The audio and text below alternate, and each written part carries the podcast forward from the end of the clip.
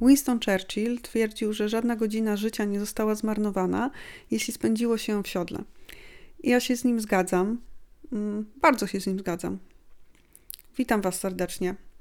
Dzisiejszy odcinek poświęcony będzie tematowi, który już od dłuższego czasu chodził mi po głowie i jest związany z identyfikowanymi przeze mnie podobieństwami jazdy konnej i zarządzania.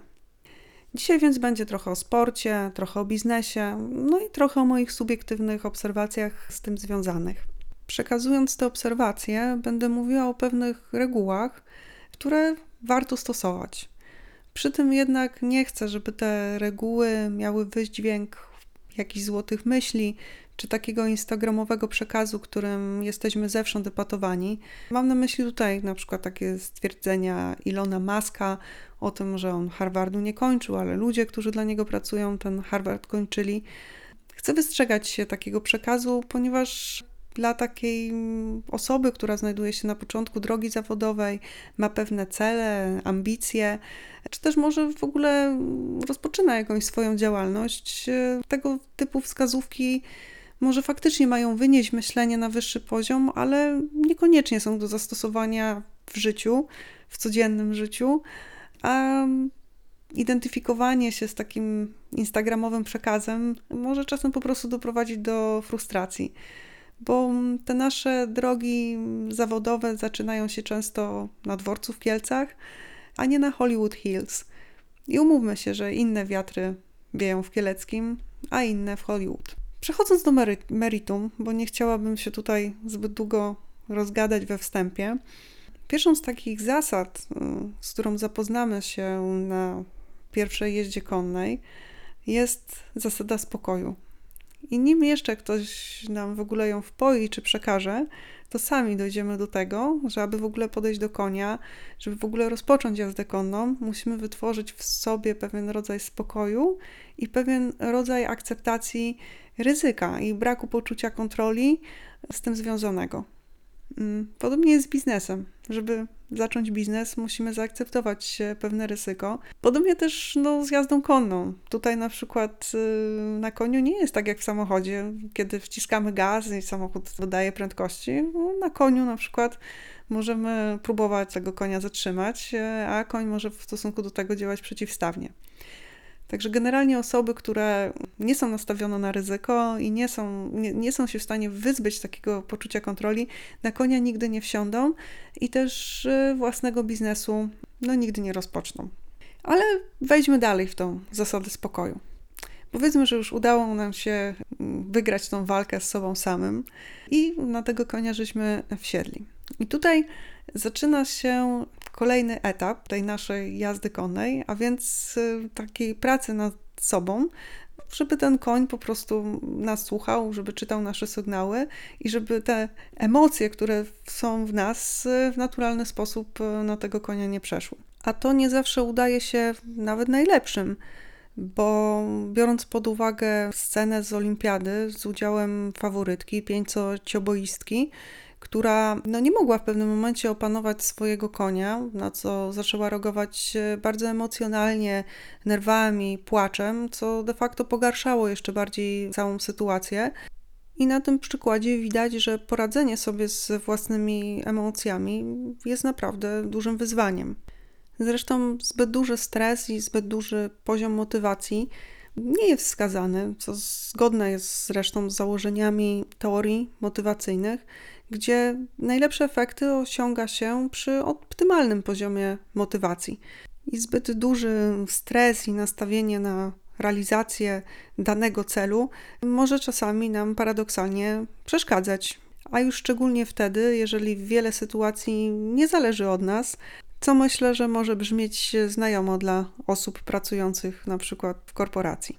Ta korporacja bywa czasem takim nieprzewidywalnym koniem, z którym jednak jakoś musimy się dogadać. Czasami jednak e, konflikty, emocje, czy w języku korporacyjnym liczne eskalacje prowadzą do bardzo trudnych wydarzeń, w których trudno jest zachować spokój. Co właśnie wtedy zrobić? Jak sobie z tym poradzić? Tutaj do głowy przychodzą mi w zasadzie dwa przypadki biznesowe. Jeden tak zwany Park Saski, jeszcze z Warszawy, a drugi już z Wrocławia. Nazwijmy go niespodziewanym wyjazdem na narty. Ale zacznijmy od tego pierwszego. Otóż pracując w korporacji dosyć blisko Parku Saskiego, za każdym razem, kiedy czułam, że poziom mojego zdenerwowania, gniewu czy też frustracji zaczyna przebijać sufit i przekłada się na możliwość powiedzenia za dużo, starałam się znaleźć e, sposób, aby zdystansować się do mm, tego stanu. Otóż moim sposobem było wybranie się właśnie do Parku Saskiego powiecie, co w środku dnia na spacer do parku, no to jakaś bzdura. Ale już się tłumaczę. Powodowana tymi wszystkimi emocjami, nie tyle szłam do tego parku, co zbiegałam z 13 piętra i kupując po drodze kawę, wtedy z syropem miętowym, no wtedy mi to smakowało, teraz w ogóle nie wiem, co o tym myśleć, pędziłam w zasadzie do parku. I tam siedziałam chwilę na ławeczce naprzeciwko mm, fontanny, z której płynęła woda, wydając takie bardzo uspokajające dźwięki. No i piłam sobie tą kawę i całość może mojego wyjścia trwała około 30 minut, więc nie była może jakimś wielkim spacerem, ale wracałam już z powrotem do korporacji inna. I naprawdę Park Saski rozwiązał wtedy wiele różnych problemów projektowych, ponieważ pozwolił na takie uspokojenie się i z perspektywy czasu na inną reakcję na sytuację, która wywoływała, wywołała zdenerwowanie.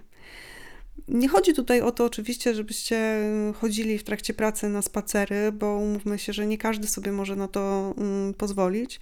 Chodzi o to, żeby w momencie, kiedy na przykład przychodzi jakiś e-mail, czy dzieje się coś e, bardzo niefajnego, nie reagować od razu. Nie reagować od razu w emocjach, tylko po prostu dać sobie właśnie taką chwilę, gdzie możemy złapać oddech i możemy złapać dystans. Mm, oczywiście na ten mój taki w cudzysłowie spacer, pseudospacer mm, do parku można spojrzeć od strony zmarnowania na przykład czasu pracy, tak? No bo jednak to było 30 minut, które gdzieś tam sobie wykroiłam. Natomiast e, z drugiej strony myślę, że pozostając i na przykład uczestnicząc w jakiejś korespondencji mailowej do dziesiątek osób, co wiele razy ma, ma miejsce w korporacji, no nie, rozwiązywa, nie rozwiązałabym tych problemów e, tak efektywnie, jak miało to miejsce właśnie po tym spacerze.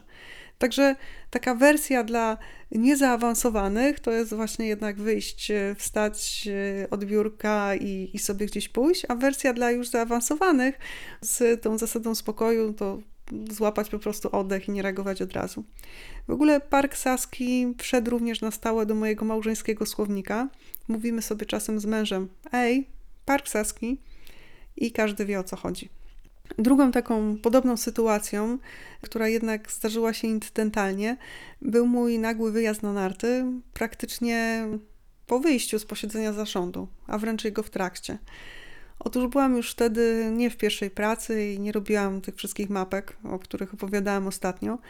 Byłam dyrektorem generalnym pewnego centrum przetwarzania danych, co wspominam generalnie bardzo dobrze.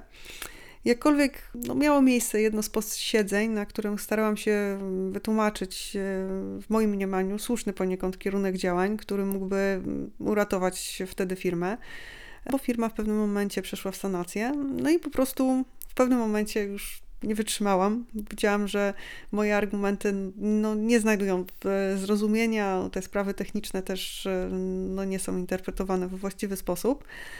Więc po prostu mm, wstałam i wyszłam.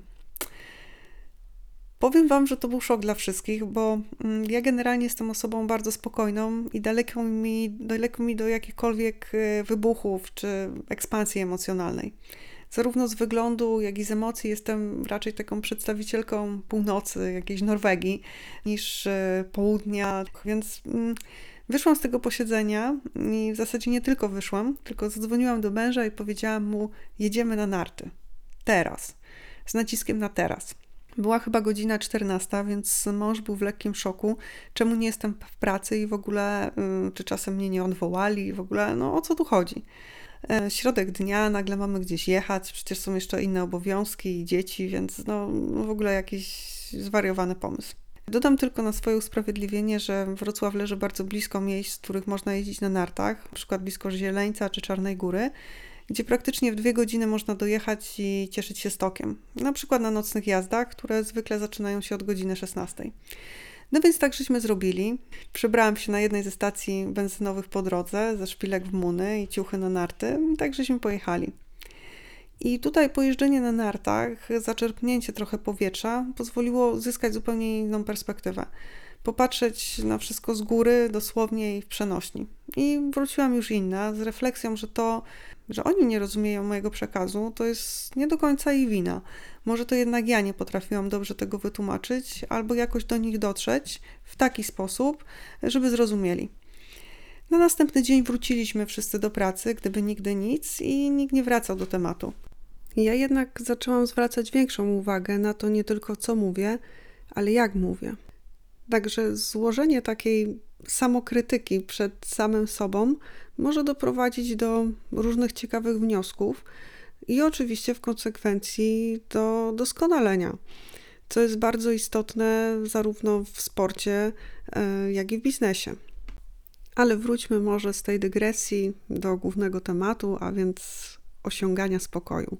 Bo oczywiście osiąganie spokoju również należy doskonalić. Teraz może zastanówmy się nad tym, co zrobić, żeby tego spokoju nie utracić. Bo we wcześniejszej części opowiedziałam już o sytuacji, w której ten spokój żeśmy zatracili, wydarzyło się coś, co wytrąciło nas z równowagi i do tego spokoju chcemy wrócić. A teraz opowiem o tym, jak zrobić tak, żebyśmy z tego stanu spokoju nie zostali wytrąceni. No więc zarówno na koniach, jak i w zarządzaniu bardzo istotna jest zasada czytania tak zwanych niskich sygnałów.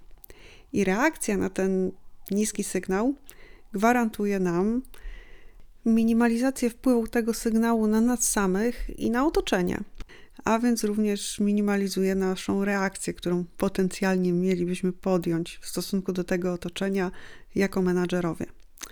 No cóż, zrobiło się tutaj tak bardzo mądrze, więc może wróćmy do tej końskiej analogii. Co to są te niskie sygnały na koniu? Te niskie sygnały to jest wszystko to, co koń stara nam się powiedzieć, e, przekazać swoją postawą, co następuje przed jakąś jego niesubordynacją czy zachowaniem, które nie było przez nas wymuszone.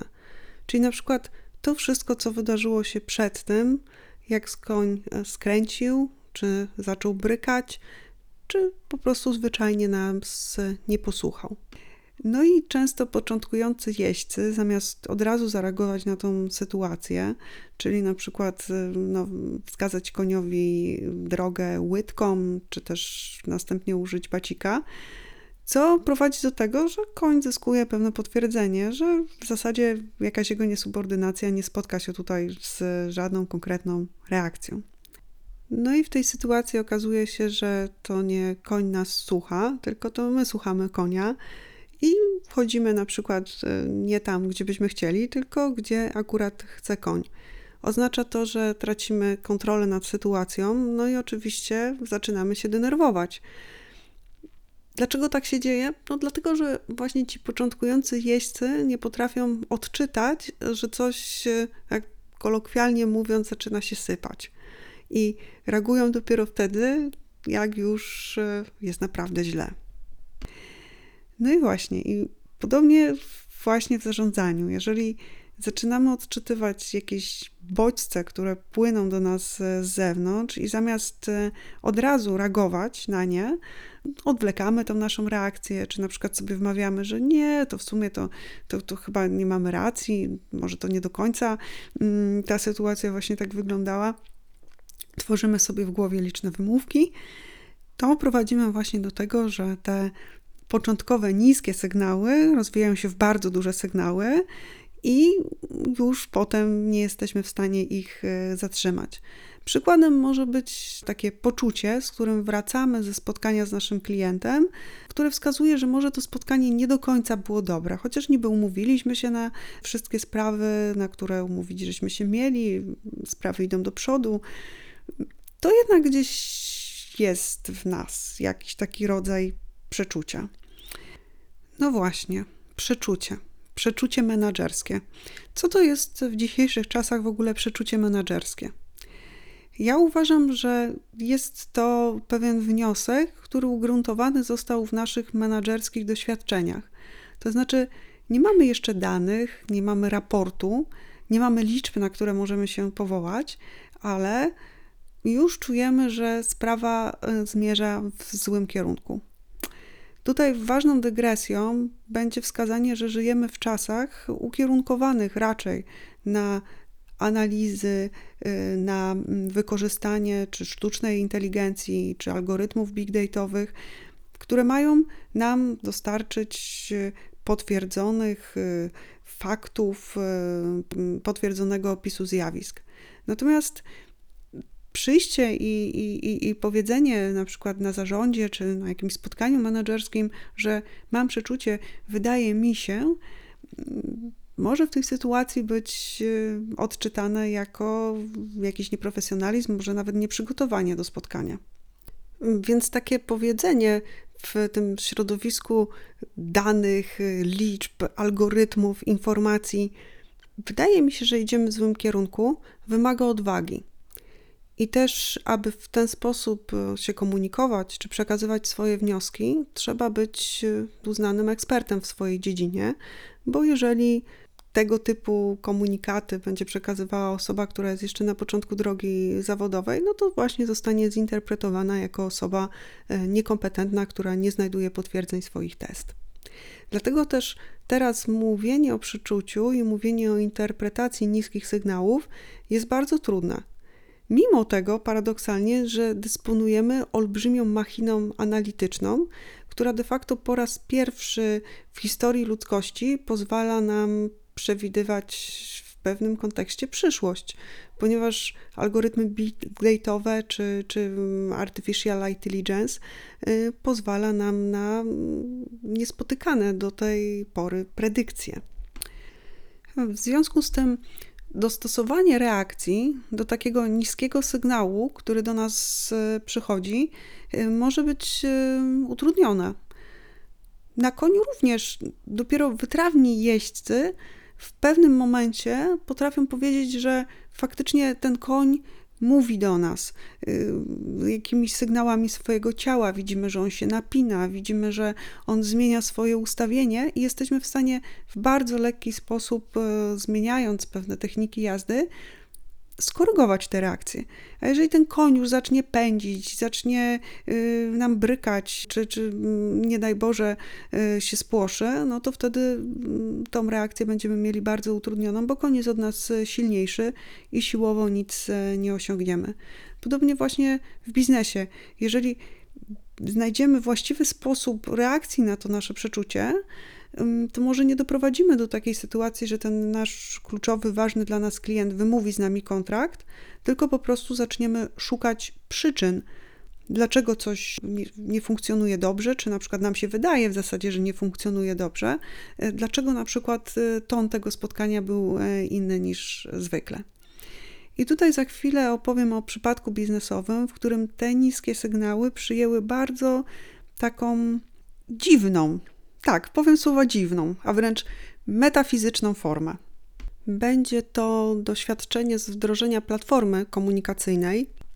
Doświadczenie to związane jest ze współpracą z panią, która odpowiadała za odbiór produktu projektu, a więc pełniła bardzo ważną rolę. Natomiast czym ta pani się wyróżniała? Otóż przed oddaniem do użytkowania jakiegoś dużego modułu lub wybranych funkcjonalności, pani stawiała tarota. Stawiała tarota członkom zespołu, czy stawiała tarota takiego ogólnego. Czytała również e, wybrane znaki na niebie i ziemi i od e, pozytywnych konstelacji uzależniała właśnie fakt pójścia z harmonogramem dalej. Dosyć nieoczekiwana sytuacja dla zespołu technicznego. I mm, oczywiście na początku tej zachowania były bardzo denerwujące dla zespołu projektowego, no dla mnie też, szczególnie bo reprezentowałam wtedy firmę dostawcy, więc no tak trochę nie potrafiłam od razu tego zrozumieć, zinterpretować, z czym to jest związane. Natomiast y, Później okazywało się, że te znaki na niebie i ziemi jednak mają w sobie jakąś głębszą interpretację, właśnie związaną z problemami, których my żeśmy nie dostrzegali, a pani tak nie do końca potrafiła to nazwać, więc przenosiła to, eksponowała to właśnie w taki sposób dla siebie znany, w którym e, czuła się dobrze. Zresztą często ludzie, jeżeli spotykają się z jakimiś zjawiskami, których nie potrafią wytłumaczyć, sięgają po pewne paranaukowe metody, aby te zjawiska zrozumieć. Możemy więc przypuszczać, że ta pani znalazła się nagle w jakimś technicznym świecie, którego do końca nie rozumiała. W związku z tym szukanie właśnie wiedzy w tarocie i przekazywanie nam takich no, dziwnych dla nas sygnałów było jej odpowiedzią na zastany stan rzeczy. Więc spójrzmy na tą sytuację. Mm, brak y, um, takiej właśnie empatii, wyczulenia na takie sygnały, ignorowanie nawet takich z pozoru, no powiedzmy sobie, no, dziwacznych komunikatów może prowadzić do problemów w projekcie. Także nie mówię oczywiście, że wszystkie tego typu sygnały powinny być no, brane pod uwagę, bo pewnie część z nich też może być no, nieistotnych i nie przekładać się na projekt, ale zawsze należy się zastanowić, no, poszukać źródła tego, co mm, akurat się dzieje.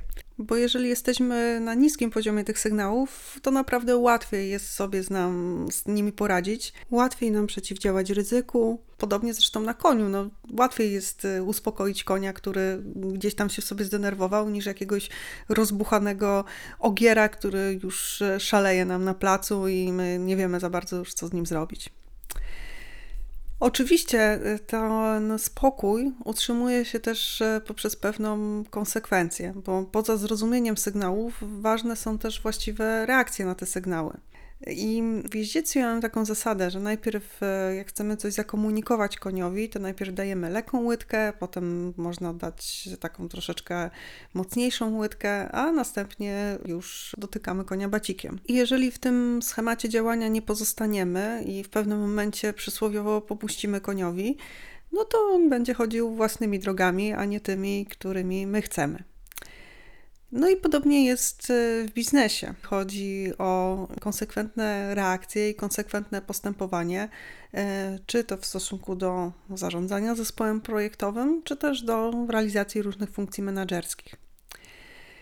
I tu przychodzi mi do głowy taki przypadek biznesowy z firmy integratora IT z Warszawy, gdzie z kolei byłam dyrektorem do spraw rozwoju.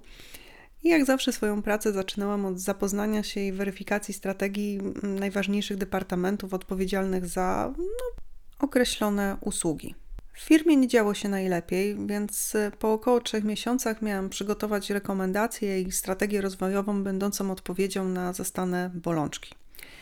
Sam fakt tego, że mam się spotkać z kluczową, skłóconą ze sobą poniekąd kadrą menedżerską, budził już e, zainteresowanie prezesa. Otóż on po prostu bał się, że mnie przysłowiowo zjedzą. Pytał się wielokrotnie, jak idą te rozmowy i w ogóle jak ja sobie radzę. Powiem, tak łatwo nie było, no ale jakoś poszło. Nawet szefowa HR-u mm, zgłosiła się z pomysłem propagacji mojego CV po tej firmie, mm, tak zwanego upublicznienia mojego bio, żeby mi było łatwiej rozpocząć w ogóle te rozmowy, bo niektórzy mm, z panów, bo akurat pracowali tam głównie panowie, no w ogóle nie chcieli ze mną rozmawiać. Po prostu wszyscy o mnie się strasznie bali. I oczywiście było dosyć e, trudno, ale właśnie przyjęłam taką zasadę wysokiego spokoju przy zachowaniu konsekwencji. Na czym polegała ta zasada? Otóż sprzedam Wam teraz tą regułę. W sytuacji wykraczającej poza ramy dopuszczalne dla mnie, oczywiście to są ramy, które mm, dla każdego są inne, Informowałam rozmówcę, że nie akceptuję mm, określonego sposobu zachowania, no i wyjaśniałam dlaczego. Oczywiście chodziło tutaj o takie kwestie jak na przykład jakieś krzyki, podnoszenie głosu, podważenie moich kompetencji i tym podobne. Jeśli to nie skutkowało, to informowałam, że jeżeli ta osoba nie przestanie tego robić, to będzie sankcja. To znaczy, oczywiście nie sankcja służbowa, tylko na przykład przestanę kontynuować rozmowę, mm, no, wyjdę i tym podobne. No i jeśli nadal to się działo, po prostu realizowałam tą sankcję. No i muszę Wam powiedzieć, że to jest naprawdę strasznie trudne, chociaż brzmi prosto, ale w realizacji mm, no, trzeba się tego nauczyć. Bo co tu dużo mówić, te przysłowiowe korporacyjne konie brykały, straszyły, że mnie zjedzą i tym podobne. I też w takim jeździeckim świecie można przytoczyć sytuację, że mm, często właśnie przy wsiadłaniu na konia ten koń próbuje nas nastraszyć, to znaczy próbuje pokazać jakąś tutaj swoją władzę, dąży generalnie do tego, żebyśmy się przestraszyli, odskoczyli, cofnęli się i go nie osiodłali. Jest to nic innego jak y, walka o hierarchię. I w takich y, biznesowych, y, menedżerskich sytuacjach również dochodzi do takiej walki o hierarchię. Niekoniecznie chodzi tutaj o stanowiska czy o jakąś formalną władzę, ale chodzi o właśnie przejęcie kontroli nad jakimś spotkaniem, czy właśnie pokazanie swojego znaczenia. No więc, y, będąc w tych wszystkich sytuacjach i próbując e, stosować e, zasadę spokoju i konsekwencji, tworzyłam strategię restrukturyzacji, można powiedzieć, że jednego z największych polskich integratorów IT. Potem już chyba na rozmowie z przewodniczącym Rady Nadzorczej, a w zasadzie to była rozmowa e, przewodniczącego Rady Nadzorczej z prezesem, w którym ja też brałam udział, na pytanie przewodniczącego do prezesa, czy ja czasem nie zrobiłam się nerwowa podczas przygotowywania tego planu, prezes powiedział, że Kasia jak zawsze jest miła, sympatyczna, ale bardzo konsekwentna. I traktuję to jako jeden z największych komplementów biznesowych, jakie usłyszałam, bo mm, wiecie, że w biznesie generalnie to jest tak, że ludzi się nie chwali, tylko dostaje się albo mniejszy, albo większy ochrzan, albo wcale się go nie dostaje. Szczerze mówiąc, e, mam w głowie jeszcze sporo pewnych analogii związanych z jazdą konną i biznesem, ale myślę sobie, że to by było może jednak trochę za dużo, bo jazda konna to jest jednak niszowy sport i może nie wszyscy w odpowiednim stopniu są w stanie zidentyfikować się z tym opisem. Na koniec chciałabym podkreślić, że tak jak mówią trenerzy jazdy konnej, co drugi trening jest dobry i nie zawsze wszystko nam będzie wychodziło i trzeba pozostać po prostu w treningu. I przy tym nie należy się za bardzo napinać. Jak to jeden z naszych czołowych skoczków miał napisane na nartach, trzeba mieć luz w D. I generalnie trzeba być takim sympatycznym. I tutaj do głowy przychodzi mi taka refleksja, w zasadzie mm, obrazek koni. Bo spójrzmy na te konie. Jaka w tych koniach drzemie olbrzymia siła, a przy tym są pięknymi, wrażliwymi oraz bardzo inteligentnymi zwierzętami. I tak sobie myślę, właśnie patrząc na konie, że mocy wcale nie trzeba ugruntowywać w agresji czy w takiej prostej fizycznej sile, co jest niestety często spotykaną postawą menadżerską. Myślę jednak, że pracując w korporacji nie trzeba robić z siebie jakiegoś korpoluda czy robota. Przy tym można być naprawdę silnym, bo wrażliwość wcale nie oznacza słabości, a spokój niesie w sobie o wiele większą moc niż awantura i konflikt. Takie są właśnie konie i taki powinien być biznes. Zaczęłam Churchillem, to i skończę Churchillem. Nigdy nie rezygnuj z czegoś, o czym nie możesz przestać myśleć nawet na jeden dzień. I od dłuższego czasu ja tak mam z koniami, a od krótszego z tym podcastem. Pozdrawiam Was serdecznie. Do usłyszenia niebawem. Pa!